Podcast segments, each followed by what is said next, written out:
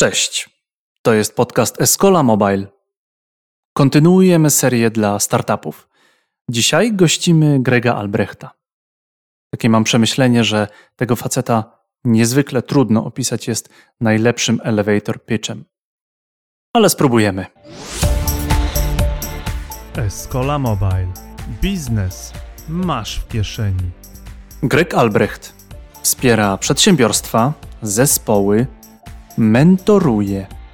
To jest autor jednego z najciekawszych podcastów biznesowych. Uwielbiam go słuchać.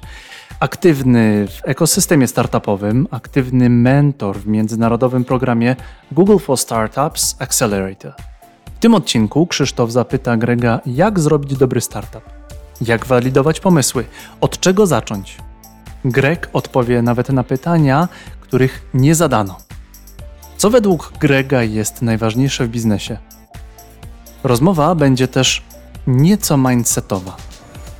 Sam biznesowy miąższ, aż niekiedy przewierca trochę w głowie. Zapraszamy do słuchania. To jest Escola Mobile Live. Mam dzisiaj niezwykłego gościa, Grega Albrechta, który ma ze sobą markę o nie zgadniecie. E, Nazywa się Greg Albrecht i można go znaleźć też pod gregalbrecht.io. A Gregu, czy ty pamiętasz, gdzie myśmy się pierwszy raz spotkali? To będzie taki test na twoją pamięć. Tak, spotkaliśmy się, w, o ile się nie mylę, w Akademii Wistula. To się tak nazywa? Akademia czy uczelnia A pamiętasz, Wistula? co to był za projekt? Tak, to miał być e, tak zwany MOOC, czyli online'owy, miała być, e, była koncepcja stworzenia takich szkoleń online. Pamiętam. Dobrze pamiętam? Dobrze pamiętasz? Akademia Młodego Przedsiębiorcy. E, Projekt chyba nawet do dzisiaj wisi. Jest tam 10 wywiadów z bardzo fajnymi młodymi przedsiębiorcami. Właśnie byłem ciekaw, czy jako osoba, która, która ma taki szeroki network, takie kontakty, masz dobrą pamięć. Pamiętasz ludzi, których spotkałeś biznesowo? Bo myślę, że spotykasz ich- ich bardzo sporo na konferencjach, na konsultacjach. Mhm, tak, mam dobrą pamięć do ludzi, e, szczególnie takich, z którymi porozmawiałem, czyli takie osoby, z którymi już była jakaś interakcja, to tak. Nawet pamiętam, e, kto jeszcze był wtedy w Twoim teamie i w jaki sposób przebiegały nasze debaty i później rozmowy na temat tego, także mam dobre wspomnienie. E, Pewnie też związane z tym, że to są właśnie dobre wspomnienia, bo to też chyba najbardziej się zapamiętuje, jak jest coś pozytywnego albo coś bardzo negatywnego, a, a najmniej się zapamiętuje osoby, z którymi jakby nic się nie wydarzyło ciekawego. To powiedz y, dla naszych słuchaczy, czym na co dzień się zajmujesz, tak? Przedstawiłem Cię, że jesteś konsultantem, że jesteś mentorem. Mamy tutaj specjalny odcinek w ramach Escola Mobile for Startups. Co Ty robisz dla e, startupów, co robisz w kwestii e, mentoringu i swoich konsult, swojej działalności szeroko? Jasne. Na co dzień rzeczywiście działam jako doradca, coach, mentor. To są słowa, które mogą niewiele mówić, ale mniej więcej ogniskują się wokół jednego tematu. W praktyce to oznacza to, że pomagam przedsiębiorcom rozmaitym zoptymalizować z jednej strony ich model biznesowy i trochę pomagam im też ze strategiami go-to-market, z e, value proposition design, z e, customer discovery, a na bardziej zaawansowanym etapie też pomagam im w takim temacie bardziej miękkim, czyli w kwestiach związanych z leadershipem, zarządzaniem zespołem, układaniem zespołów founderskich, dogadywaniem się między founderami a funduszami, bo to są takie sprawy miękkie, które mają trochę y, to samo, co y, układanie się z klientami, tylko na etapie innym i bardziej od wewnątrz. Także takie rzeczy robię. A jeżeli chodzi o takie produkty, to to są albo taki jednodniowy warsztat, y, który nazywam One Day Workshop, gdzie możemy przejść przez całą firmę od A do Z w ciągu jednego dnia i znaleźć różne luki, wypracować krótki plan, albo są to rzeczywiście konsultacje indywidualne różnych modelach. W nielicznych przypadkach też y, inwestuję w projekty, czy swój czas, czy środki, czy jedno i drugie. Także mm, nie tylko e, doradzam, e, ale też się angażuję w rzeczy, które rzeczywiście rozumiem i mnie ciekawią. A to zdradźcie jakieś swoje ostatnie inwestycje gdzieś, gdzie zaangażowałeś się właśnie jako mentor, czy czasowo, czy finansowo? Jakie to są twoje może takie ulubione firmy? Mm, No, najbardziej moją ulubioną firmą jest firma, w której też e, trochę maczałem palce na początku, więc to nie była taka typowa sytuacja, w której dołączyłem e, w roli tylko mentora, bo gdzieś od początku byłem w niej zaangażowany, ale z founderami się poznaliśmy, bo byłem wcześniej ich mentorem w programie Youth Business Poland, e, kiedy prowadzili poprzedni biznes i to jest firma Sandoz, czyli Michał Gołkiewicz i Tomek Styk. Bardzo fajny projekt spersonalizowanych e, suplementów diety, chociaż to nie brzmi zbyt sexy, ale za tym jest cała inżynieria danowa, zbieranie danych o ludziach, pomaganie im w doborze rzeczy, które poprawią jakość ich życia. A teraz e, z takich projektów, w których jestem bardziej świeżą, mm, to jest taki projekt, który trafił do mnie z reaktora i nazywa się Snapsh. Jest to mm, takie narzędzie, które pomaga kupować obuwie i odzież w internecie i też docelowo właśnie jako e, aplikacja mobilna w taki sposób, żeby to było prostsze dla konsumenta. O, tak bym powiedział, z wykorzystaniem, może nie powiedziałem najważniejszej rzeczy, z wykorzystaniem obrazów. Czyli krótko mówiąc, widzisz jakiś produkt na Instagramie, robisz snapa i on momentalnie wyświetla ci podobne produkty w oparciu o algorytm w różnych e, sklepach internetowych. Czyli tak naprawdę rozpoznaje zdjęcie i łączy to z bazą sklepów, które mają podobny asortyment. I tutaj specjalizacja, jeżeli chodzi o ten algorytm, to są buty i, mm, i odzież. Bardzo ciekawy. Znam historię o podobnym startupie. Nazywał się Podo. E, Zainwestował w niego Michał Lach, też osoba, która mnie wsparła jako anioł biznesu na początku mojej drogi. Wiem, że mm, wydał na ten projekt milion złotych. E, Serwis już nie istnieje, także życzę, żeby Wam poszło trochę lepiej niż Michałowi. E, Można zresztą zobaczyć to jego wystąpienie o Podo na Fuck Up Nights, jak ktoś wyszuka Michał Lach. Fuck Up Nights, osoba, która założyła K2 Internet SA i, i raczej się nie udziela, więc dosyć rzadka okazja, e, żeby go posłuchać. E, Ciekaw jestem właśnie, co Ciebie zmotywowało. Wspomniałeś, że mm, to są osoby, z którymi się zetknąłeś, właśnie to są osoby, z które mentorowałeś. Ciekaw jestem em, Twojego schematu działania. Powiem Ci, dlaczego mnie to osobiście interesuje. Na co dzień zarządzam no, spółką Software House'em, który tworzy produkty mobilne. Natomiast około 30 godzin miesięcznie poświęcam na różnego rodzaju consulting. I próbuję sobie jakby przeskalować swój czas, jakbym wykorzystywał 160 godzin na consulting. To jest strasznie energochłonne, to są strasznie zmienne warunki, każdy case by case jest inny i zastanawiam się, jak ty funkcjonujesz właśnie mając w głowie nie, tak jak ja, kilka projektów, tylko kilkadziesiąt projektów, może nawet więcej. Mhm. Hmm, Myślę, że to ma wiele wymiarów. To znaczy, jeżeli chodzi o, o model pracy, myślę, że istotne jest, żeby to nie będę cię też tutaj czy innych uczył, w jaki sposób pracować konsultingowo, bo jestem pewien, że to wiesz, więc jakbym mówił coś trywialnego, to wytnijcie to potem. Ale myślę, że istotne jest bardzo, żeby mm, wybierać projekty, w których y, jest y, spójność na poziomie wartości z z klientem super ważne, bo tylko wtedy można się zrozumieć, a czasem jak y, zaczynamy taką działalność, no to korcą nas różne projekty i czasem lądujemy z rzeczami, które nas drenują energetycznie, więc żeby, żeby nie było drenażu, to musi być właściwa osoba. Druga zasada, którą się kieruję, to że pracuję tylko z osobami decyzyjnymi i z właścicielami firm, co też bardzo ułatwia pod kątem em, takiego przełożenia na rezultaty, bo to mnie bardzo napędza. No i trzecia kwestia, która w tym pomaga, to rzeczywiście mm, sądzę, że spora selektywność pod kątem też tematu oraz ustawienie bardzo jasnych y, zasad i oczekiwań, tak żeby ten projekt był maksymalnie efektywny czasowo, czyli staram się, co może nie jest y, typowe, bo, bo wielu doradców jest wynagradzanych za czas, w związku z tym lubi y, długo i namiętnie pracować nad konkretnymi projektami, natomiast mnie najbardziej zawsze w życiu kręci efektywność, więc staram się minimalizować czas i budować tak efektywne rozwiązania, żeby też móc y, po prostu maksymalnie skoncentrować się na danym projekcie, a duża część jednak realizacji to jest po stronie firmy. A pod kątem jeszcze mm, pytałeś o to, jak, jak prze- przeszliśmy z mentoringu do wspólnego biznesu. No tu konkretnie już, jeżeli mam się w coś zaangażować na dłużej, to musi być to też temat, który mnie w jakimś stopniu kręci z jakiegoś powodu i rzeczywiście miałem sporo ciekawych obiektywnie propozycji, czyli na papierze one wyglądały bardzo ciekawie. Myślisz sobie, to musi być ciekawy biznes, ale jeżeli temat mnie nie kręci, to wiem, że nie będę dobry, nie będę autentyczny w kontekście wsparcia w długim terminie. W krótkim terminie można rozwiązać parę problemów strategicznych i jechać dalej, natomiast jeżeli mam z kimś rozmawiać regularnie przez rok, dwa, pięć, to musimy się lubić i temat musi być ciekawy.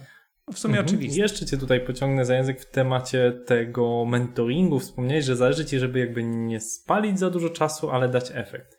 E, Ja w przeszłości, zanim, zanim się zaangażowałem w Escole, pracowałem e, wraz z taką firmą BCG, Boston Consulting Group, e, właśnie konsultując projekty digitalowe, no, głównie na niemieckich rynkach i, i europejskich.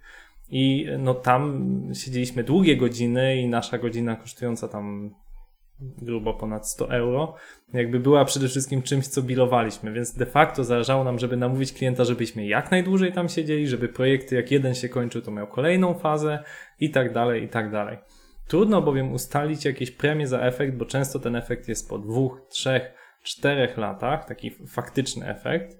No więc ciekaw jestem, w jaki sposób ty to ustawiasz, że jak mówisz, zależy ci, żeby ten czas ograniczyć. Czy dostajesz premię za sukces w tym wypadku danego przedsiębiorstwa, nie wiem, jakąś prowizję od nie wiem, wdrożenia projektu, jak, jak to ustawiasz? No, na pewno maksymalizuje y, też y, stawkę z godziny, więc myślę, że to y, też ma pewnego rodzaju znaczenie, czyli że, że te usługi nie są tanie. To jakby w bazowym takim punkcie, punkcie wyjścia.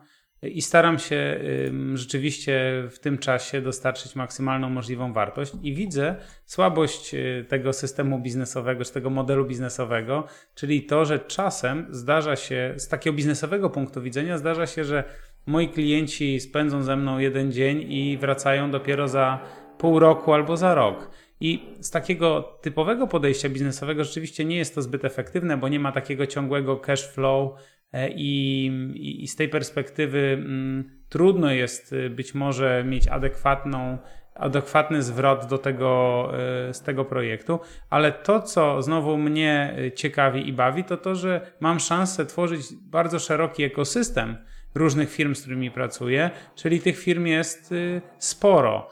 Tak, w ubiegłym roku pracowałem dla 50 firm, w związku z tym dzięki temu to pozwala mi zbierać dane na temat różnych y, biznesów wokół i na tej podstawie też kreować y, prawdopodobnie lepszą wartość dla tych firm. Czyli nie mam jakiegoś magicznego rozwiązania. Czasem rzeczywiście dostaję propozycję objęcia udziału czy wejścia na stałe do takiej nieformalnej rady nadzorczej firmy, formalnej lub nieformalnej, i to oczywiście się może wiązać z takim powtarzalnym przychodem, bo rozumiem, że też o to pytasz. I staram się znajdować projekty, które można zainwestować, żeby one przyniosły wartość długofalową. Natomiast y, też y, a propos rozliczania się od efektów, mm, to jest oczywiście w teorii fajne, natomiast w praktyce niezwykle trudne do policzenia, dlatego że nie oszukujmy się, nawet najlepsza strategia, którą wypracujemy, jest niczym, jeżeli nie ma dobrego wdrożenia, i to wdrożenie ma ogromny wpływ, także pozytywny, a jeżeli coś idzie nie tak, no to negatywny na ten wynik, który jest wygenerowany. Więc myślę, że trudno jest y, umawiać się na sukces tak w takim bardzo bezpośrednim przełożeniu. Natomiast jeżeli coś wyjdzie, no to wiem, że też będę polecony, a B, jeżeli będzie w przyszłości jakaś sytuacja, w której klienci będą mieli wyzwanie, to do mnie przyjdą, a w tych tematach leadershipowych to zazwyczaj to są wyzwanie, tematy przewlekłe w cudzysłowie, czyli e, to nie są takie projekty, które znowu rozwiązujemy w jeden dzień, tylko są firmy, z którymi Działamy już dwa lata nad poukładaniem e, relacji w zarządzie, w, w zespole zarządzającym, nad e, optymalizacją modelu pracy, więc to są projekty po prostu rozciągnięte w czasie i to też e, z perspektywy modelu biznesowego ma sens. A powiedz, częściej pracujesz jeden na jeden, czy właśnie częściej zdarza ci się pracować z jakąś, z jakąś grupą? Częściej pracuję mm, jeden na jeden, yy, a, spot, a, a spotkania z grupą czasem są owocem, yy, owocem grupą lub jeden na jeden lub w bardzo małym zespole, na przykład dwie osoby, ty- czyli tylko z founderami. A jeżeli realizuję projekty typu warsztat ym, dla większej grupy, to tylko po to, że jest to jakiś element w łańcuchu, w procesie, który budujemy w dłuższym terminie. Czyli na przykład przykład dziś, bo byłem na spotkaniu z, z klientem, który jest właścicielem sporego biznesu technologicznego i rozmawialiśmy o tym, że jest pewne, pewien obszar, który powiedzmy produktowo warto by było poukładać i teraz umawiamy się na warsztat, który poprowadzę, żeby wypracować pewne rozwiązanie biznesowe już z ludźmi, którzy są w to praktyce zaangażowani. Ale jednak mam takie poczucie, że więcej y, wartości przynosi taka praca w małym gronie i nakierowana. W ogóle mam takie poczucie też i doświadczenia, że więcej jest wartości często w przygotowaniu, w przemyśleniu, w, w zrozumieniu motywacji, niż w wypracowaniu rozwiązania. Czyli, że wypracowanie rozwiązania jest tylko pochodną tego, co tak naprawdę ktoś chce zrobić. E, a ja jestem ciekaw, e, czym się kierujesz? Wiem, że to takie pytanie trochę filozoficzne, ale przysłuchałem tych podcastów Twoich jest sporo, ze 120 tam widziałem odcinków. I niektóre z nich dotykają takiej natury dosyć filozoficznej, takiej mentalności biznesu, jakiegoś credo.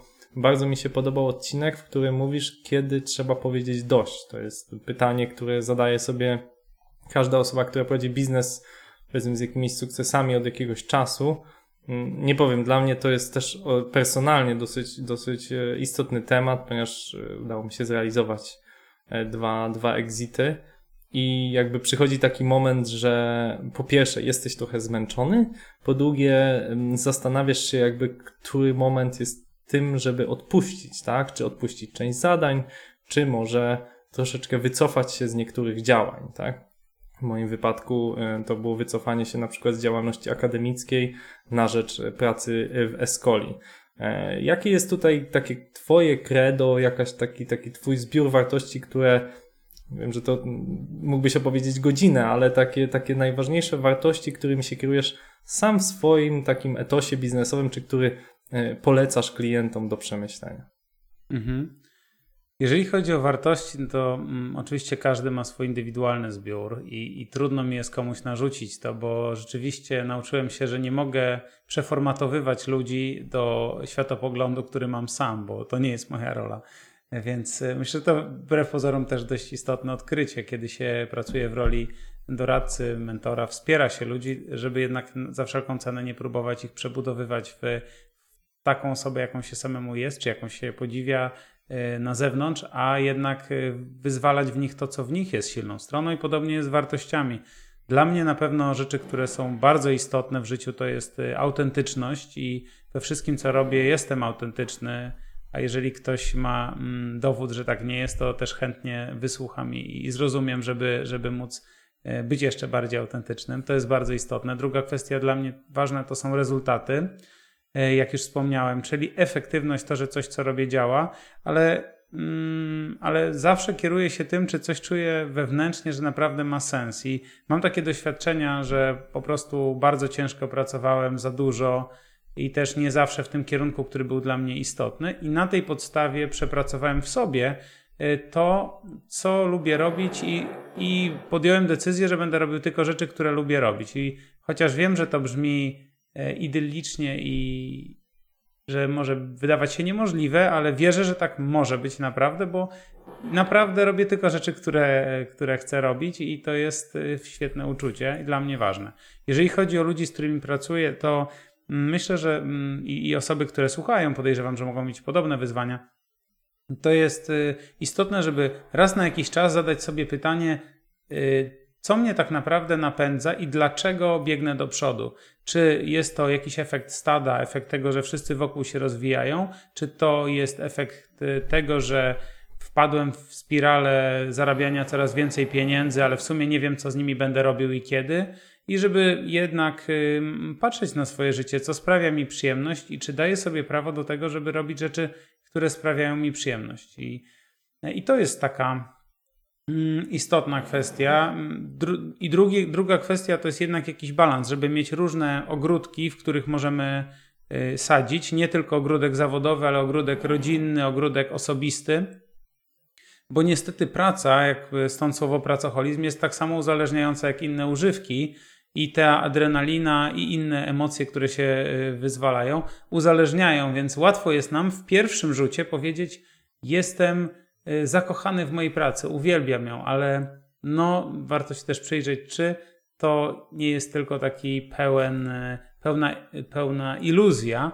I sądzę, że temu świetnie służy okres bez robienia czegokolwiek, bo wtedy mamy szansę odpocząć, mamy szansę zobaczyć, czy nam brakuje tej pracy i zredefiniować swoje cele, zredefiniować sposób, w jaki oceniamy dobrze wykonaną pracę. I to, co pewnie jest pułapką osób, które osiągają sukces i, i, pracują 10, 15, 20 lat, to jest to, że być może nadal na autopilocie y, kierują się wartościami, które były dla nich aktualne, jak mieli 19-25 lat i po prostu chcieli zwojować świat, budowali swoje fundamenty, ale dzisiaj to już nie jest ta wartość, na której chcą budować i z tej perspektywy warto sobie to przemyśleć.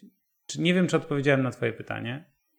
No, świetnie odpowiedziałeś odpowiedzieć nawet na pytanie, którego nie zadałem, ale ciekawi mnie to y, w takim razie, jak ty do tego podchodzisz. Znaczy mówisz, że praca jest dla ciebie przyjemnością e, teraz, a wcześniej nie była. W jednym z odcinków y, wspominasz, że no przeszedłeś takie osobiste katarzis, taką metamorfozę, że miałeś problemy z wagą, nie jadłeś zdrowo, nie miałeś czasu się wyciszyć, bardzo dużo pracowałeś. Jestem bardzo ciekaw, jeżeli mam nadzieję, że to nie jest zbyt osobiste pytanie, mm, jakby co doprowadziło cię do takiego właśnie takiej przemiany? Co sprawiło, że że, że po prostu zmieniłeś się jako człowiek, tak? Ja, ja przynajmniej tak postrzegam Twoją osobę.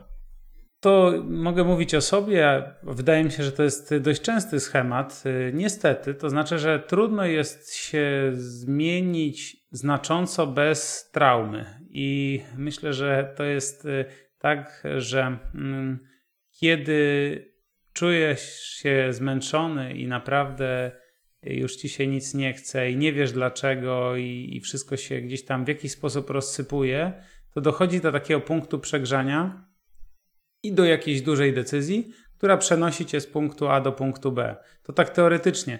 W moim, e, w moim życiu mm, to to myślę, że był, było, mm, było to taki efekt domino. Czyli gdzieś kiedyś zacząłem coś robić, zacząłem pracować w marketingu, zacząłem potem otwierać swoją firmę i byłem trochę w takim klapki na oczy w tunelu, w którym bardzo szybko biegłem, ale nie wiedziałem w jakim kierunku. I na tej drodze biegłem tak szybko, że też brakowało mi uważności do tego, żeby obserwować z kim, jaki biznes robię co tak naprawdę w tym jest ważne. Trochę byłem w takim cały czas amoku biegnięcia do przodu i przez to myślę, że bardzo się wypalałem. To znaczy, że nie odpoczywałem, że mm, ciągle napędzał mnie lęk przed tym, czy poradzę sobie w życiu, czy, czy utrzymam się. To zawsze był jakiś pierwotny lęk, który we mnie tkwił.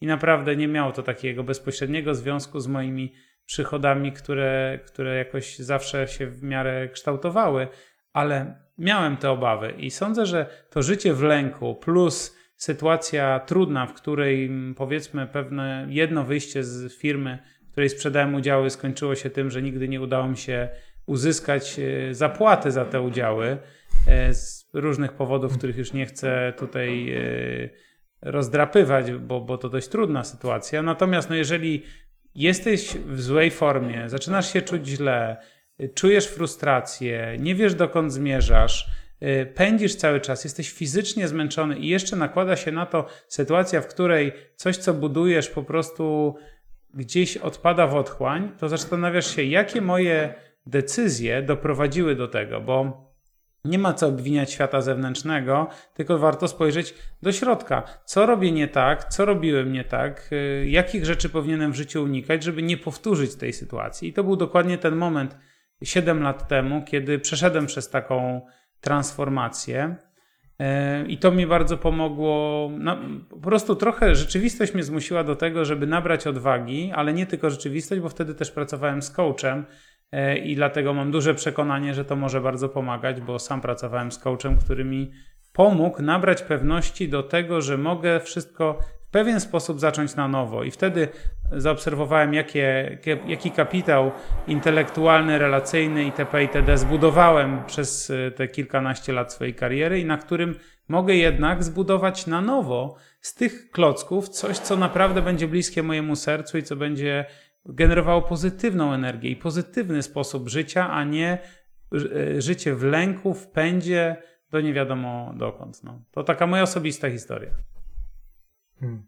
Ile miałeś wtedy lat, kiedy to przeszedłeś tą metamorfozę? Ona oczywiście nie wydarzyła Mhm. się z dnia na dzień, rozumiem? Tak, y, 30 jak się zakończyła. Czyli to było tak, myślę, że najtrudniejszy okres dla mnie był między 28 a 30 rokiem życia.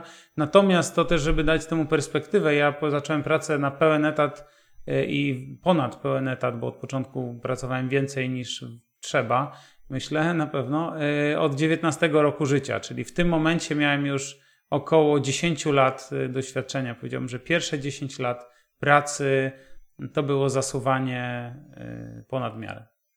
Greg, to jest, to, jest, to jest naprawdę imponujące. Znaczy, jakby 50 firm i, i, i droga, którą sam przeszedłeś, mi osobiście to bardzo imponuje. I, i stąd pozwalam e, sobie Ciebie zapytać, jaka jest Twoja ocena obecnego stanu właśnie te, czegoś, co nazywamy sceną startupową? To znaczy, na jakim, jakbyś mógł zrobić taki obraz e, stanu 2020 sierpień, jak wygląda scena startupowa? Czy Twoim zdaniem jest to nadal ziemia, którą warto uprawiać? Czy jest to jednak jakaś bańka, która za chwilę pęknie? Czy jest to napędzane właśnie dosypywanymi funduszami przez różne granty z NCBR-u czy z PARP-u? Jaka jest e, tutaj Twoja ocena? Mówię o polskim, e, o polskim naszym poletku startupowym. Ogólnie uważam, że inwestycje w, w, ten, w, to, w tę branżę są bardzo korzystne, no bo ludzie mają jakieś zasoby, na których mogą się uczyć, tworzyć biznesy i to wzmacnia, edukuje rynek i sprawia, że pojawiają się rzesze praktyków, a nie teoretyków biznesu, którzy na własnej skórze uczą się. Ja bardzo wierzę w naukę przez doświadczenia. Od zawsze byłem raczej cienki akademicko, poza krótkim epizodem, kiedy wykładałem na, w Akademii Leona Koźmińskiego, ale jako student nigdy nie byłem tutaj wybitny, ani też na to mocno nie stawiałem. Od początku się skupiałem na doświadczeniach, które na własnej skórze zbieram i bardzo wierzę, że to naprawdę przyspiesza proces uczenia. I z tej perspektywy myślę, że, że dowolne źródło finansowania, które jest dostępne, może być bardzo fajnym narzędziem dla kogoś, kto zaczyna. Tak bym powiedział ogólnie. Więc cieszę się, że jest tego kapitału na rynku sporo. Z perspektywy mm, jakości projektów i jakości tych y, funduszy, no nie chciałbym tutaj zabierać jakiegoś mocnego, mocnego mm, stanowiska, bo, bo myślę, że jest bardzo różnie. Niewątpliwie kształtuje się kilka na przykład funduszy, które reprezentują poziom światowy i myślę, że one będą stanowiły interesującą wartość i stanowią dla naprawdę najlepszych startupów. No bo ta gra między funduszami a startupami to jest taka trochę, trochę taniec godowy. No i ci najlepsi chcą grać z najlepszymi.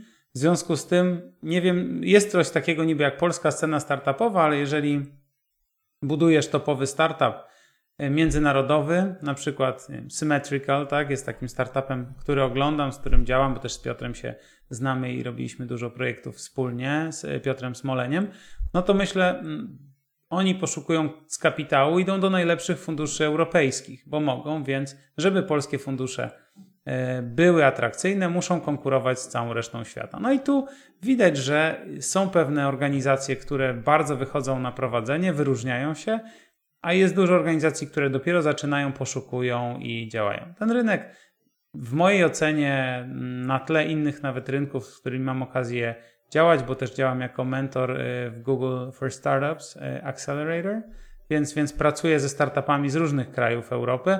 Myślę, że ten rynek polski jest gdzieś tam po środku, przed niektórymi rynkami, które w ogóle są na początku drogi, no ale nadal za takimi rynkami, gdzie już jest drugie, trzecie pokolenie startupowców, którzy reinwestują w ten rynek. Myślę, że to bardzo jest ważny moment w cyklu życia rynku startupowego, kiedy te pieniądze wracają i u nas to już się na szczęście też fajnie dzieje, już, się, już są firmy chociażby wspierane przez Mariusza Gralewskiego, który jest tutaj znany z, z inwestowania w różne projekty, ale też innych founderów, e, różnych spółek, jak na przykład cofounderzy Allegro, którzy zainwestowali w e, kupony Blix, czyli, czyli to już wraca, wraca ten kapitał, ale to jeszcze jest tego myślę mało i te doświadczenia, kapitał intelektualny, kapitał finansowy, który wraca na rynek, kształtuje taką dojrzałą tkankę rynku startupowego i myślę, że w tym wymiarze jesteśmy jeszcze dość wcześnie, ale już pojawiają się pewne reinwestycje, czyli to się zaczyna takie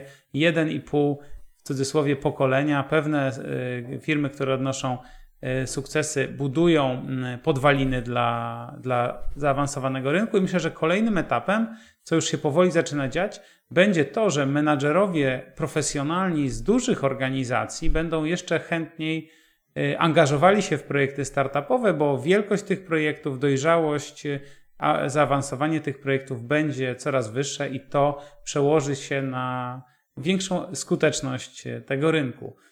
Może jeżeli chodzi o taką, taki mój odbiór, to ja jestem człowiekiem, który zawsze myśli, co można jeszcze fajnego zrobić i, i mam jakiś zawsze wysoko sobie i wszystkim wokół stawiam poprzeczkę, co nawiasem mówiąc bywa uciążliwe.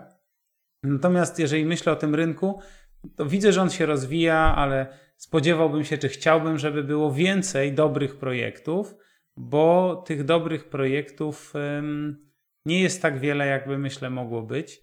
Aczkolwiek y, być może y, na innym rynku y, jest tych dobrych projektów więcej, bo projektów w ogóle jest dużo więcej, więc też trzeba by było na to spojrzeć z perspektywy danych, czy u nas jest dużo gorszych projektów, czy, czy sporo, mm, czy jest po prostu mało dobrych projektów, bo projektów w ogóle jest nadal dość mało. Natomiast Myślę, że na tle moich doświadczeń z ostatnich siedmiu lat pracy ze startupami, to rynek niesamowicie się rozwinął, ekosystem się rozwinął, poziom startupów, które debiutują i ich know-how, jak prezentować biznes, jak sprzedawać, jest zupełnie inny, więc, e, więc patrzę też w, z ciekawością, co nowego się wyłoni, bo też jest taka prawda, że niektórych projektów nie widzimy, no bo jest jakieś, jakaś grupa startupów, które gdzieś mocno się udzielają w ekosystemie, E, i gdzieś tam się pokazują, ale jest też trochę projektów, które w ogóle nie ogniskują się na rynku polskim. Czasem ich nie, nie widzimy, są poza zasięgiem radaru, a też to są fajne projekty.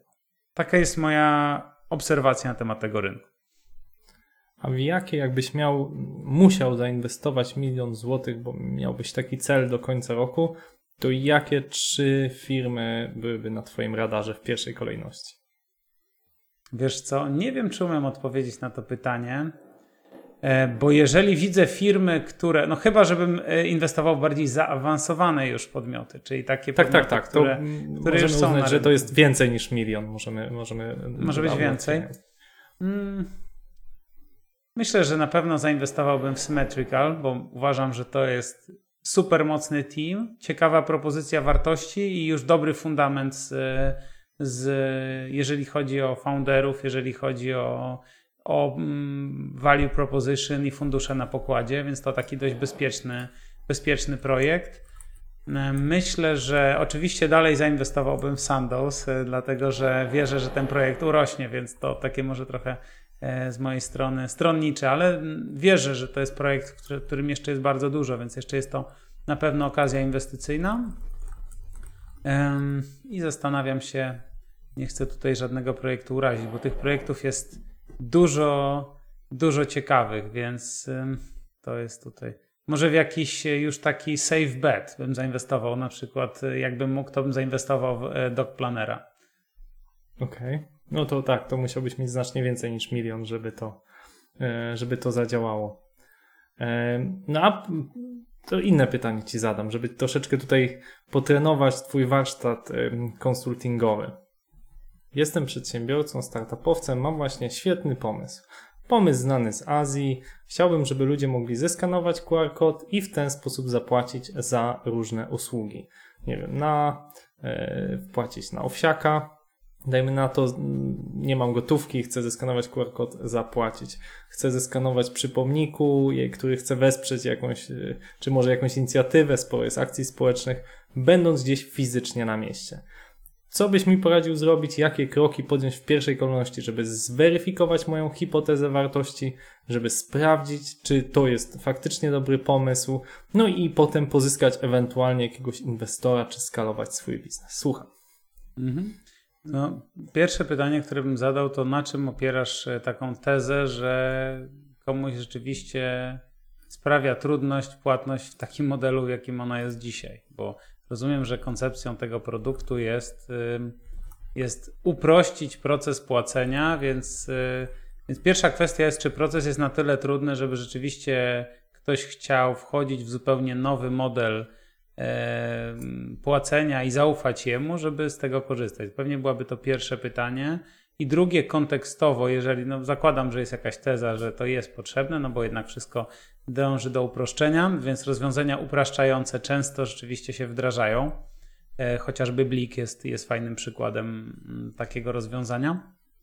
No to e, kolejne pytanie jest, w jaki sposób, e, kto konkretnie ma ten problem i w jaki sposób ten problem, jaki tak naprawdę problem ten to rozwiązanie rozwiąz rozwiązuje, czyli co to jest za kontekst i co nie może być w efektywny sposób zastąpione inną formą działania. To jest y, fajna książka, którą chętnie polecę, którą bardzo lubię. To jest książka Claytona Christensena Competing Against Luck.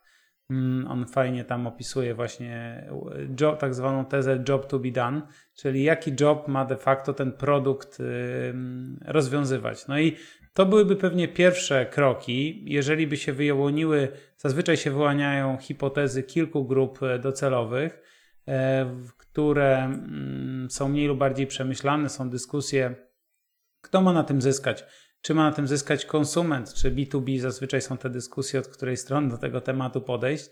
I pewnie e, w przypadku tego produktu warto by było potem gdzieś fizycznie spotkać takich użytkowników, dać im szansę przetestowania nawet takiego mock-upu czy takiego narzędzia, sprawdzenie nawet czegoś, co nie działa. Być może możesz zrobić plakaty, zapłać QR-kodem, które nie będą działały, tylko będą przekierowywały cię do twojej aplikacji bankowej.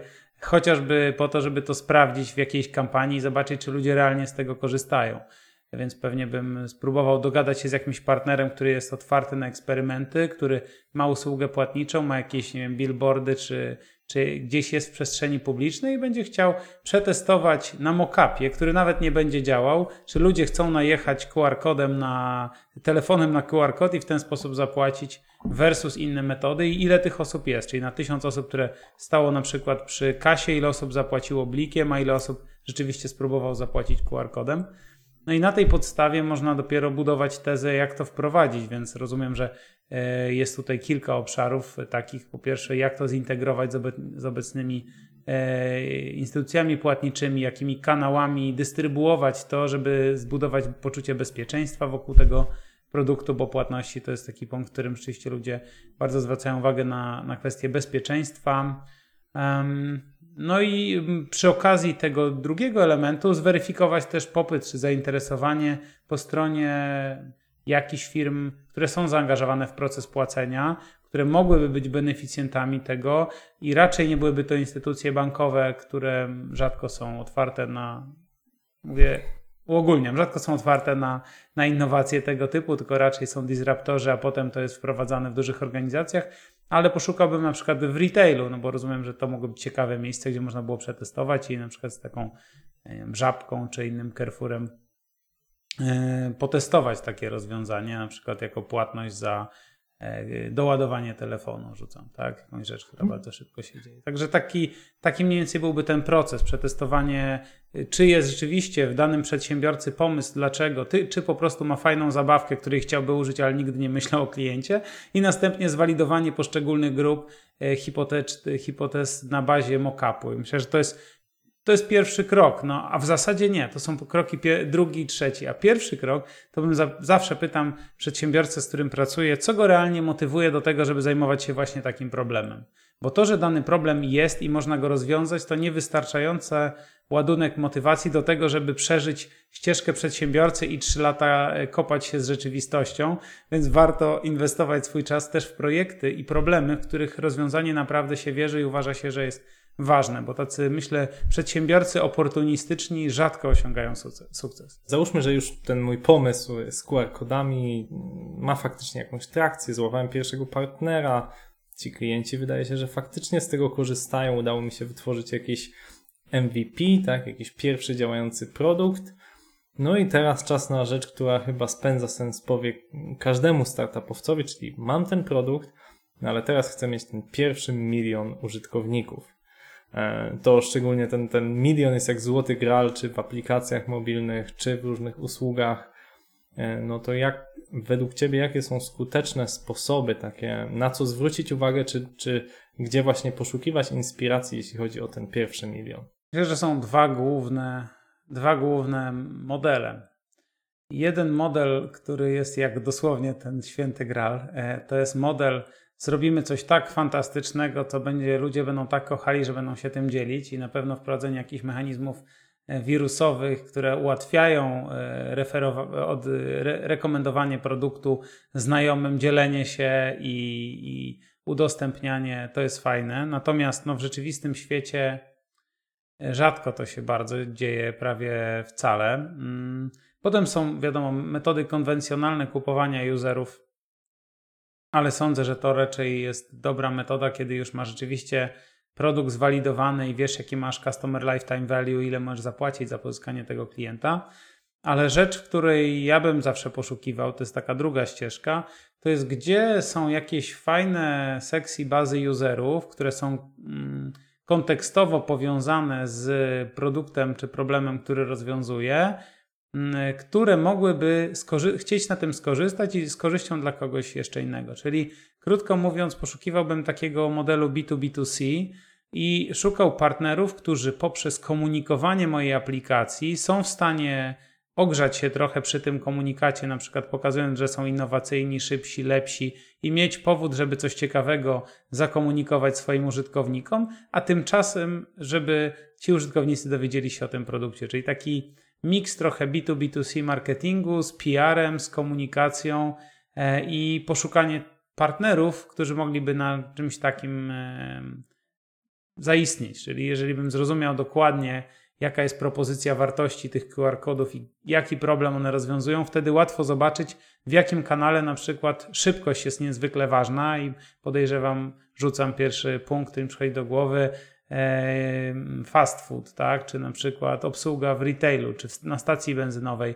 Tam im krócej ktoś stoi przy, przy okienku, czy nie wiem, poczta, tak? Im by ktoś krócej stał przy okienku, mógł zapłacić rachunek szybciej, tym lepszy customer experience. Więc pytanie, jak możesz graczowi B2B podnieść customer experience swoim narzędziem i w ten sposób, y, w ten sposób y, zachęcić kogoś, żeby Twoje narzędzie pokazał dużej grupie userów. Także myślę, że to są takie punkty. I oczywiście zwróciłbym szczególnie uwagę na takie miejsca, w których już użytkowanie mm, aplikacji jest powszechne, czyli zazwyczaj tak jak kiedyś się mówiło, że, że tylko działa konwersja internet to internet, czyli kampanie billboardowe dla sklepów internetowych mają sens, kiedy budujesz brand awareness, ale sprzedażowo na początku mają bardzo małe przełożenie i się tego nie robi. Podobnie sądzę, że warto szukać e, takich partnerstw e, w cudzysłowie mobile to mobile, czyli gdzie już są mobilni, mobilni gracze, którzy są w tym kanale i komunikują się z userami mobilnymi, byliby skłonni do tego, żeby jakąś wartość e, przekazać w Twoim imieniu. No, to de facto się dzieje teraz. Widać, jak y, dynamiczny wzrost jest użytkowników TikToka, który porównuje się ze wzrostem Facebooka, co wynika z tego, że właśnie TikTok kupuje olbrzymie pakiety reklamowe na Facebooku, na Instagramie i przerzuca tych userów do siebie, co niewątpliwie powoduje tą drażliwość, ten konflikt, jaki jest między e, właścicielami Facebooka, czy nawet rządem amerykańskim, a rządem chińskim, który kontroluje TikToka, bo jednak tak jak mówisz, jedność kanału jest tym, co ułatwia nam konwersję użytkownika. A jak już jeszcze o tym jed... mówimy. Mhm. Czy mogę to... jeszcze jedną rzecz wtrącić, jeżeli pozwolisz? E, a propos, jeszcze tylko jeden aspekt, bo nie powiedziałem o tym, ale to myślę jest dość istotny kanał, więc to już bez rozwijania, ale jeszcze jeden kanał, który bym na pewno wyeksplorował, to jest kwestia kanału influencerskiego, bo mam doświadczenia e, w różnych obszarach, w różnych projektach między innymi w Sandoz, że ten kanał influencerski potrafi naprawdę e, bardzo fajnie zadziałać, więc to też mógłby być taki obszar, w którym można by było zaistnieć na, i to wbrew pozorom na początku bez e, dużych kosztów. Czyli, czyli polecamy tutaj też korzystanie, korzystanie z influencerów.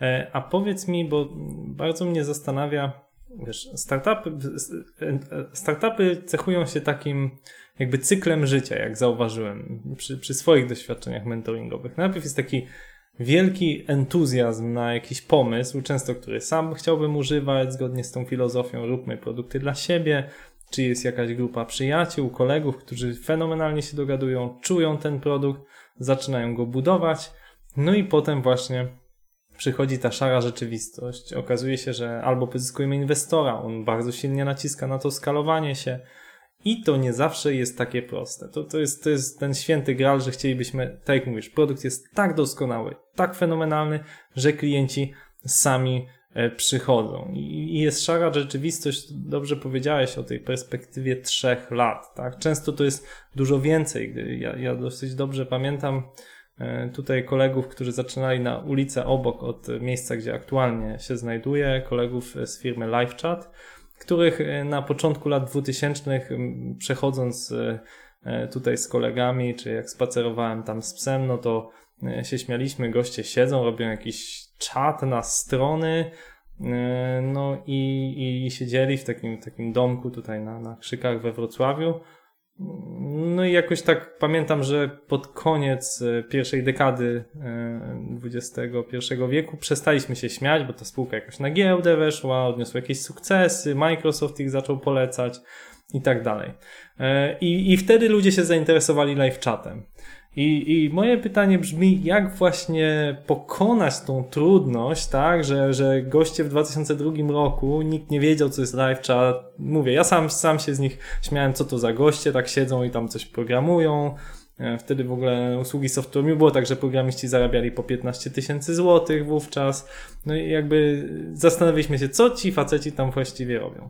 No i to się bardzo zmieniło. Więc moje pytanie zmierza do tego, jak dać sobie motywację, jak dać sobie narzędzia i z jakimi najczęściej trudnościami stykają się founderzy. Może to są dwa pytania. Czyli pierwsze, jak pokonać tą taką fazę plateau, takiego spowolnienia, że jest dobrze, ale jeszcze nie jest tak, że wszystkie gazety o nas piszą. A druga właśnie, jak konkretnie co radzisz tym founderom, których psychika na tym cierpi, że no już by chcieli się widzieć na tych okładkach gazet, już widzieć miliony zysku, a nie ciągle walkę o, o, o to break-even point, o to wyjście na zero. Co im radzisz? Hmm, to jest rzeczywiście zarazem głęboko filozoficzne pytanie, y, ale i praktyczne, bo mm, sądzę, że, że kluczem do tego, żeby przetrwać w procesie, e, właśnie są dwie kwestie. Pierwsza taka, że już o tym mówiłem, więc tylko krótko do tego nawiążę, że ważna jest wiara w to, że to, co robimy, jest ważne i potrzebne, czyli mm, utrzymanie motywacji tego celu, tej wizji, w jaki sposób wpłyniemy na rzeczywistość. I rzeczywiście to pomaga w utrzymaniu tej energii w, w procesie. Druga rzecz, która ogólnie bardzo pomaga w życiu, mm, chociaż jest sprzeczna z wieloma tezami dotyczącymi e, gdzieś tam zarządzania, chociażby, czy, czy stawiania, e, czy, czy, czy motywowania się, to jest, y, żeby więcej uwagi przykładać do procesu niż do celu. Dlatego, że jedna rzecz to wizja, a druga rzecz to cel. Wizja jest ważna, bo ona napędza nasze serce do tego, że chcemy zmienić rzeczywistość w jakiś sposób, ale mm, prawda jest taka, że jedyne rzeczy, które robimy, to są te, które są tu i teraz przed nami. I trzeba lubić proces i nauczyć się lubić proces. I to też wielu rozmówców w moim podcaście y, wspominało, już nie pamiętam kto dokładnie, ale bardzo mi to przyszło do gustu, że najpierw zaczynasz coś robić, te, robić zaczynasz to, coś robić i tego nie lubisz, a potem w praktyce zaczynasz to lubić. Myślę, że to jest właśnie ten e, przykład, w którym trzeba polubić sam proces. Polubienie procesu to znaczy, co ja jako founder lubię w tym działaniu. Może lubię poznawać ludzi, może lubię pracować z teamem, może lubię rozwiązywać łamigłówki, może lubię nawiązywać partnerstwa, może lubię programować najlepszy możliwy kod. Czyli krótko mówiąc, Trzeba znaleźć sobie coś fajnego w środku, co nie będzie skorelowane z wynikiem zewnętrznym. Bo myślę, że za dużo uwagi przykładamy do tych wyników, tych milionów, tych milionów użytkowników, złotych, dolarów y, i miliardów i tak dalej. A ważniejsze w praktyce dla jakości produktu jest mieć, y, czy dla sukcesu biznesu jest mieć dobry team, mieć dobry produkt, który naprawdę pomaga userom i wprowadzać jakąś rzeczywistą zmianę w rzeczywistości. I teraz, jeżeli robimy bez przekonania y, skok na kasę, czyli produkt pod tytułem skacze na kasę i, i chcę jak najszybciej coś z tego mieć, no to nie wystarczy nam to, o tym mówiłem o tym wcześniej, nie starczy nam paliwa, żeby przejść przez te trudności. I teraz w praktyce, y, co można robić? Myślę, że mm, można na pewno y, rozmawiać z innymi ludźmi, szczególnie z innymi founderami, żeby zobaczyć, że to jest normalny stan. Jeden ze stanów, który mm, zdiagnozowałem wśród founderów i, i potem rzeczywiście też jakiś odcinek na ten temat nagrałem, to jest taka samotność lidera. Y, Lider jest często samotny i to jest jedna z takich prawd, o których się mało mówi, a jest to duża prawda w biznesie i podobnie jest z, tą, y, z tym momentem zawahania, czy ja płynę w dobrą stronę, czy, czy to jest normalne. Porozmawianie z kimś, kto już tam był, porozmawianie z kolegą, z mentorem, z kimś, kto, kto przechodził przez tę drogę, na pewno potrafi y, pomóc odbudować motywację. Czyli dobry team, jasna wizja tego, dokąd zmierzasz i zewnętrzne sygnały, które pomagają ci powiedzieć: OK, idziesz w miarę w dobrym, w dobrym kierunku, na pewno pomogą ci y, poradzić sobie z tymi wyzwaniami. Tak, to tak, nie wiem, czy odpowiedziałem na oba pytania, ale chyba tak. No, y, czyli lubić to, co się robi, lubić ten projekt, to zagadnienie zawsze pomaga przetrwać. E, Ale chciałbym, żebyś pogłębił swoją odpowiedź. Wiem, że odeślemy do odcinka, gdzie o tym mówisz, czyli właśnie o samotności foundera. E, Tak się składa, że piszę teraz tutaj rozdział do, do książki mm, na temat właśnie psychiki foundera i jestem ciekaw, Jakie są Twoje tutaj przemyślenia na temat właśnie, bo jedna rzecz to samotność. Ja, ja mogę ze swojego doświadczenia powiedzieć, miałem wcześniej dwie firmy, gdzie miałem wspólnika, e, z którym byliśmy po połowie podzieleni firmą, w jakiejś tam bardziej takiej proporcji. E, Tutaj e, ja jestem większościowym udziałowcem w Escoli i mam prawie 400 akcjonariuszy. Niektórzy z nich naturalnie mają więcej akcji. Jest zaangażowana rada nadzorcza, no niemniej jakby mam e, tutaj większościowe prawo głosu póki co. I to bywa czasami trudne, że nie ma z kim odbić myśli, tak? I, i nawet się zastanawiałem, miałem taką tezę, że lepiej jest prowadzić firmę z kimś.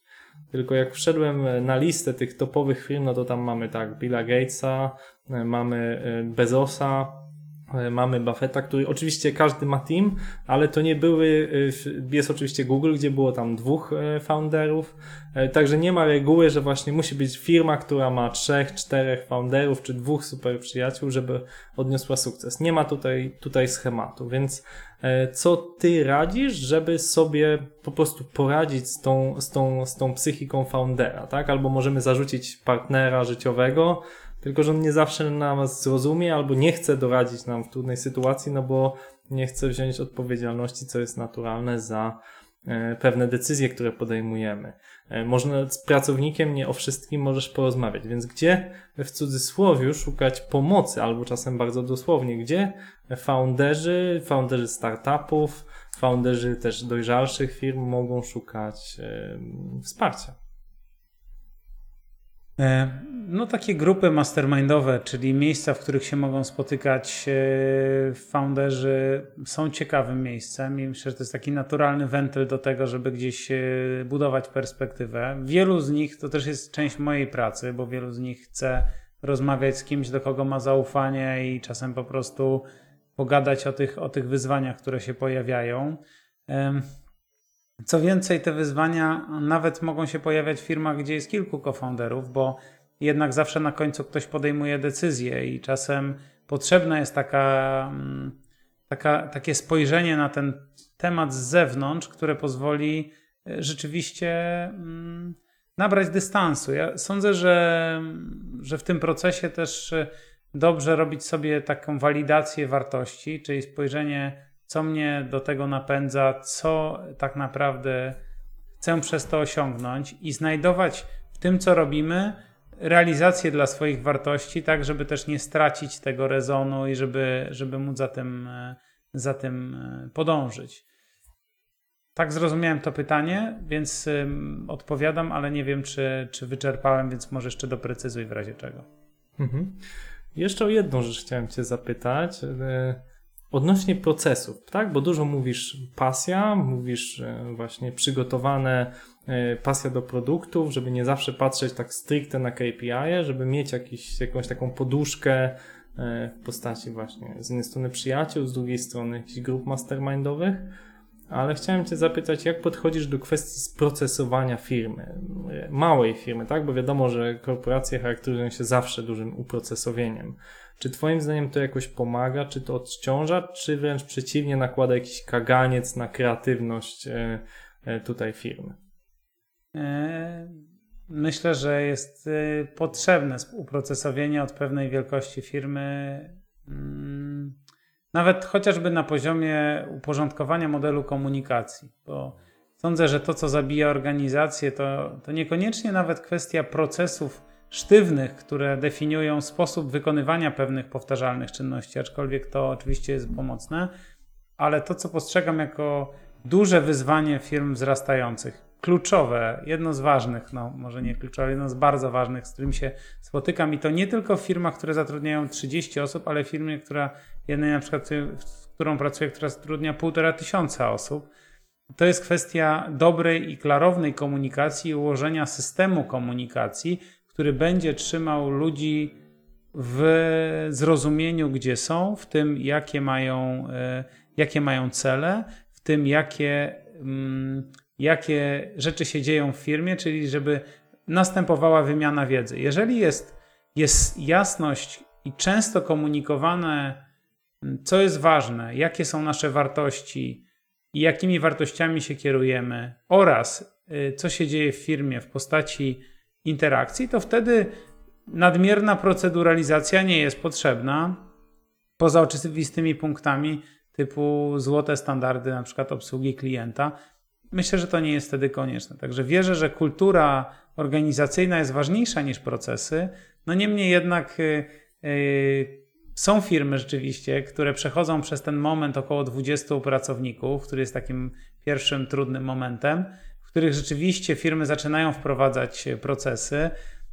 I to jest w pewien sposób procesy i pewnego rodzaju strukturę zarządczą, i to jest z korzyścią, chociaż na początku przez pracowników jest przyjmowane jako atak na ich wolność, ale de facto to podnosi ich poziom odpowiedzialności i w jakiś sposób reguluje ich pracę. Także moja odpowiedź jest taka: kultura organizacyjna ważniejsza niż procesy, opór do procesów częsta rzecz.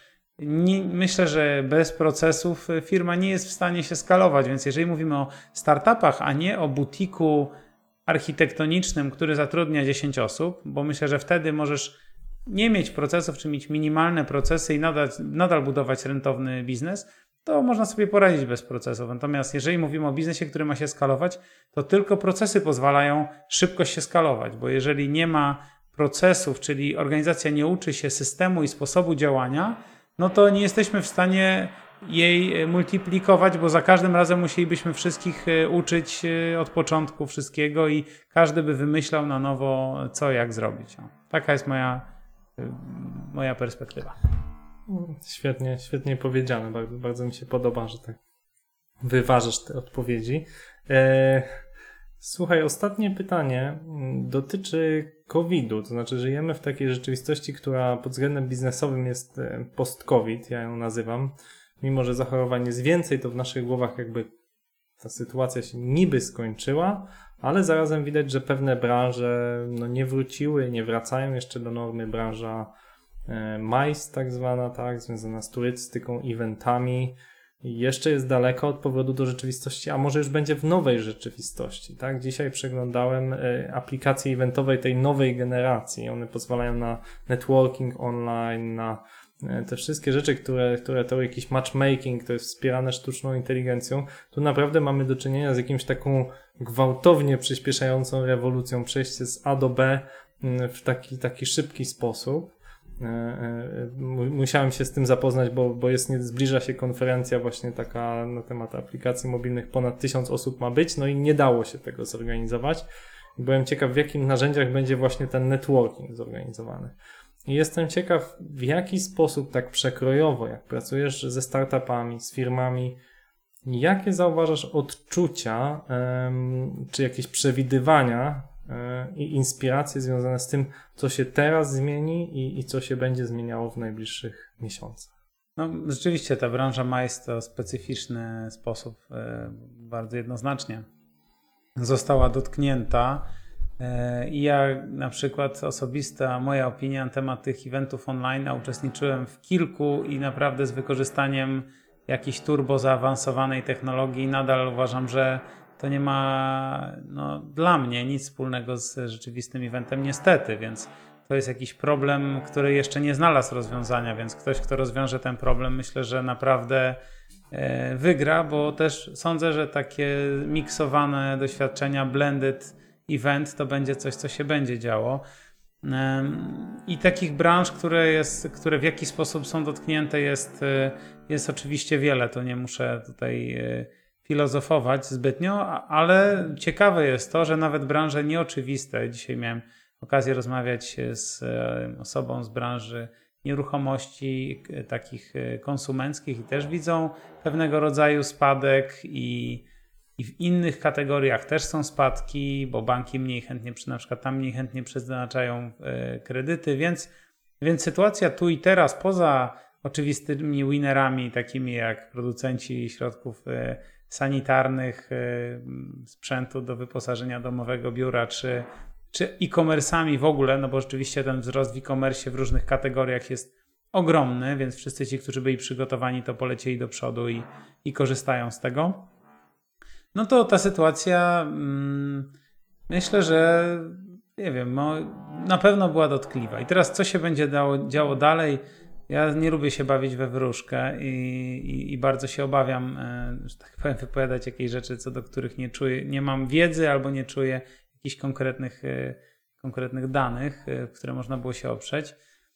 Wydaje mi się, to co obserwuję na pewno, to jest mobilizacja przedsiębiorców, która była w nich uśpiona, gdyż były to jakieś tam lata tłuste i nie wszyscy, niektórzy się trochę uśpili, czyli akurat startupy to nie jest ta, e, to, ten gatunek, no bo e, startupowiec jest gatunkiem, który ma w DNA e, i w modelu biznesowym zapisany nieustanny wzrost do osiągnięcia statusu jednorożca i wtedy jakąś dopiero krainę szczęśliwości. Natomiast no, wszyscy inni przedsiębiorcy, którzy gdzieś budują rentowne biznesy, trochę mają inny apetyt na wzrost. Myślę, że mogli się lekko rozleniwić e, w czasach tego prosperity.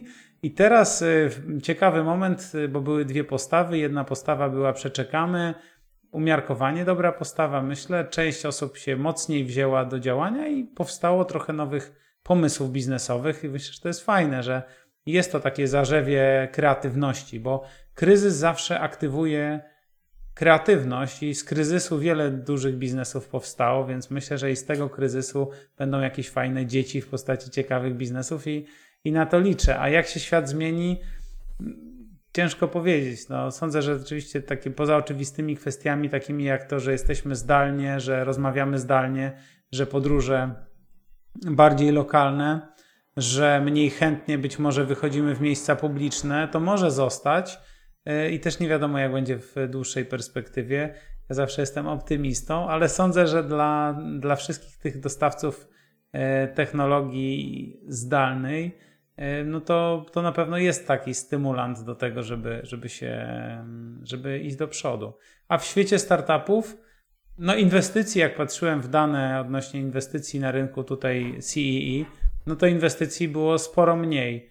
I jak rozmawiam z funduszami, mm, rozmawiałem z funduszami na ten temat w trakcie szczególnie lockdownu, no to ich postawa była taka, domykamy coś, co zaczęliśmy wcześniej, ale raczej nie prowadzimy bardzo aktywnie e, poszukiwań nowych podmiotów, czy, czy, czy nie będziemy robić w krótkim terminie takich agresywnych inwestycji, bo nie wiemy, co z tego wyjdzie, ale już z rozmów, które prowadziłem w ostatnich dniach, widać, że już trochę się te nastroje poprawiły, więc myślę, że, że kapitał jest, startupy są, konsumenci e, dostali trochę tlenu, więc kupują, e, także ja, będzie dobrze. A, wow.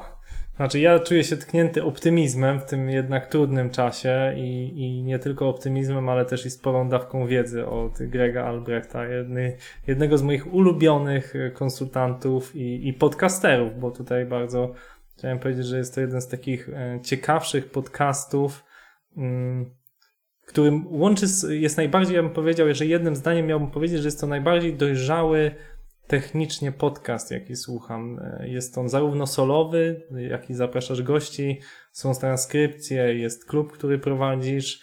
E, to jestem jeszcze ciekaw, e, żebyś powiedział zdanie, co ciebie zmotywowało, żeby zacząć ten podcast i, i jakby, czy masz może jakieś plany, o których chciałbyś tutaj się podzielić? Dzięki wielkie, bardzo jest mi miło słyszeć coś takiego, acz trudno mi w to uwierzyć naprawdę, bo ja cały czas widzę y, tylko te rzeczy, które są niezrobione w nim, więc, więc ciężko mi się do tego w ten sposób ustosunkować, bo, bo, bo nadal widzę wiele niedoskonałości. Mm, a natomiast y, punktem wyjścia do powstania tego podcastu była naprawdę czysta potrzeba dzielenia się wiedzą, z jednej strony poznawania ciekawych ludzi, z drugiej strony zderzania pomysłów z, z ludźmi, którzy korzystają z tej wiedzy, potrzebują, z przedsiębiorcami. A, no jest to moja misja, żeby pomagać właścicielom firm, przedsiębiorcom i zarządzającym biznesami podejmować lepsze decyzje i też mieć więcej radości w prowadzeniu biznesu. I ten podcast był takim pomysłem na to, w jaki sposób mogę to robić na większą skalę, bo tak jak zauważyłeś, Krzysztof, ja pracuję bardzo dużo indywidualnie, czy powiedzmy z grupami, ale mogę pracować z kilkudziesięcioma firmami, a są tysiące firm, które mogą skorzystać na praktycznej wiedzy, na inspiracjach od innych e, founderów, od, od innych przedsiębiorców, a wierzę w wie, właśnie w siłę wiedzy praktycznej. Dlatego pomyślałem, jak mogę być takim medium, które pomoże osobom które coś, e, czegoś potrzebują, dostać masę niezbędnej wiedzy bezpłatnie, a przy okazji będzie to dla mnie fajna zajawka, nowe wyzwanie. Nauczę się mm, gadać do mikrofonu, może e, poznam ciekawe osoby. I to była taka czysta motywacja. Z perspektywy prawie trzech lat e, czy dwóch i pół roku, kiedy produkuję ten podcast, widzę, że zupełnie przypadkowo on też kreuje pewne okazje biznesowe. Aczkolwiek szczególnie na początku w ogóle nie mówiłem, czym się zajmuję, więc wszyscy, y, że wiele osób zbudowało sobie mój wizerunek jako dziennikarza, a nie rzeczywiście eksperta czy, czy doświadczonego przedsiębiorcy. No teraz zacząłem bardziej intencjonalnie to komunikować, żeby też mieć z tego jakiś efekt y, biznesowy, bo to jest ogromna inwestycja, zresztą to wiesz, bo też tutaj jako firma inwestujecie w ten projekt, którym właśnie jesteśmy częścią jego i wiemy, że to jest duża inwestycja i czasu, i, i pieniędzy, i energii. I teraz, jeżeli chodzi o dalsze plany, e, no to mm, mogę tylko zdradzić, że mam taki szalony pomysł, żeby mm, uruchomić jeszcze jeden kanał, w którym bym e, eksperymentalnie wypuścił jakąś, jakąś liczbę odcinków po angielsku w trochę innym formacie z ludźmi bardzo ciekawymi, których znam za granicą, a których do tej pory nie wpuściłem do Greg Albrecht Podcast z oczywistego powodu, że ten podcast jest po polsku. Także taki mam koncept, żeby to przetestować, ale nie obiecuję, bo jeszcze nie wiem, czy i kiedy on dojdzie do skutku, dlatego że mam zawsze więcej pomysłów niż czasu i staram się nie popadać już w, w deklarację, zanim zważę, czy rzeczywiście będę w stanie to zrobić, e, czy nie.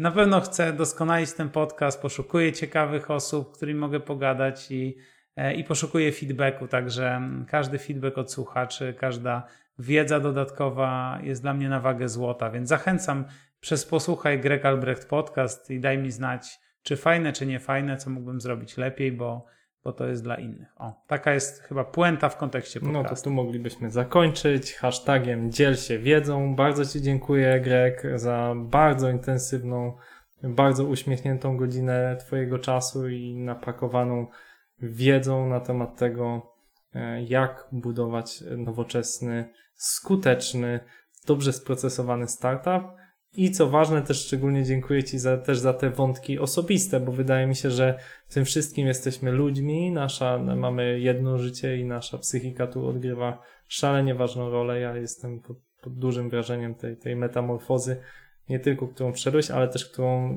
no, odważyłeś się opowiedzieć. Także ukłony. Dziękuję e, naszym słuchaczom, że byli z nami. Dzięki Krzysztof, bardzo Ci dziękuję za zaproszenie. Też podziwiam Twój rozwój na przestrzeni tych lat, od kiedy się poznaliśmy, tyle rzeczy e, różnych się wydarzyło i koniec końców e, z dużym powodzeniem to wszystko naprawdę działa. Jest strasznie miło zobaczyć taką stop klatkę kiedyś, stop klatkę teraz, porównać je i, i to naprawdę buduje wiarę w, i taką energię i sprawczość. Także dzięki Ci wielkie za, za Biznes zaproszenie, za komplementy i wszystkim e, słuchaczom za to, że. Dziękujemy za Twój czas. słuchali. Wykorzystaj fakt, że przesłuchałeś ten podcast do końca i nie dziel się nim z nikim. Nie udostępniaj linków na Spotify, iTunes, ani nie zostawiaj nam recenzji. Pamiętaj, że podcast jest sposobem przekazywania wiedzy, ale niekoniecznie powinien on krążyć po całym świecie. Dziękujemy, że byłeś z nami.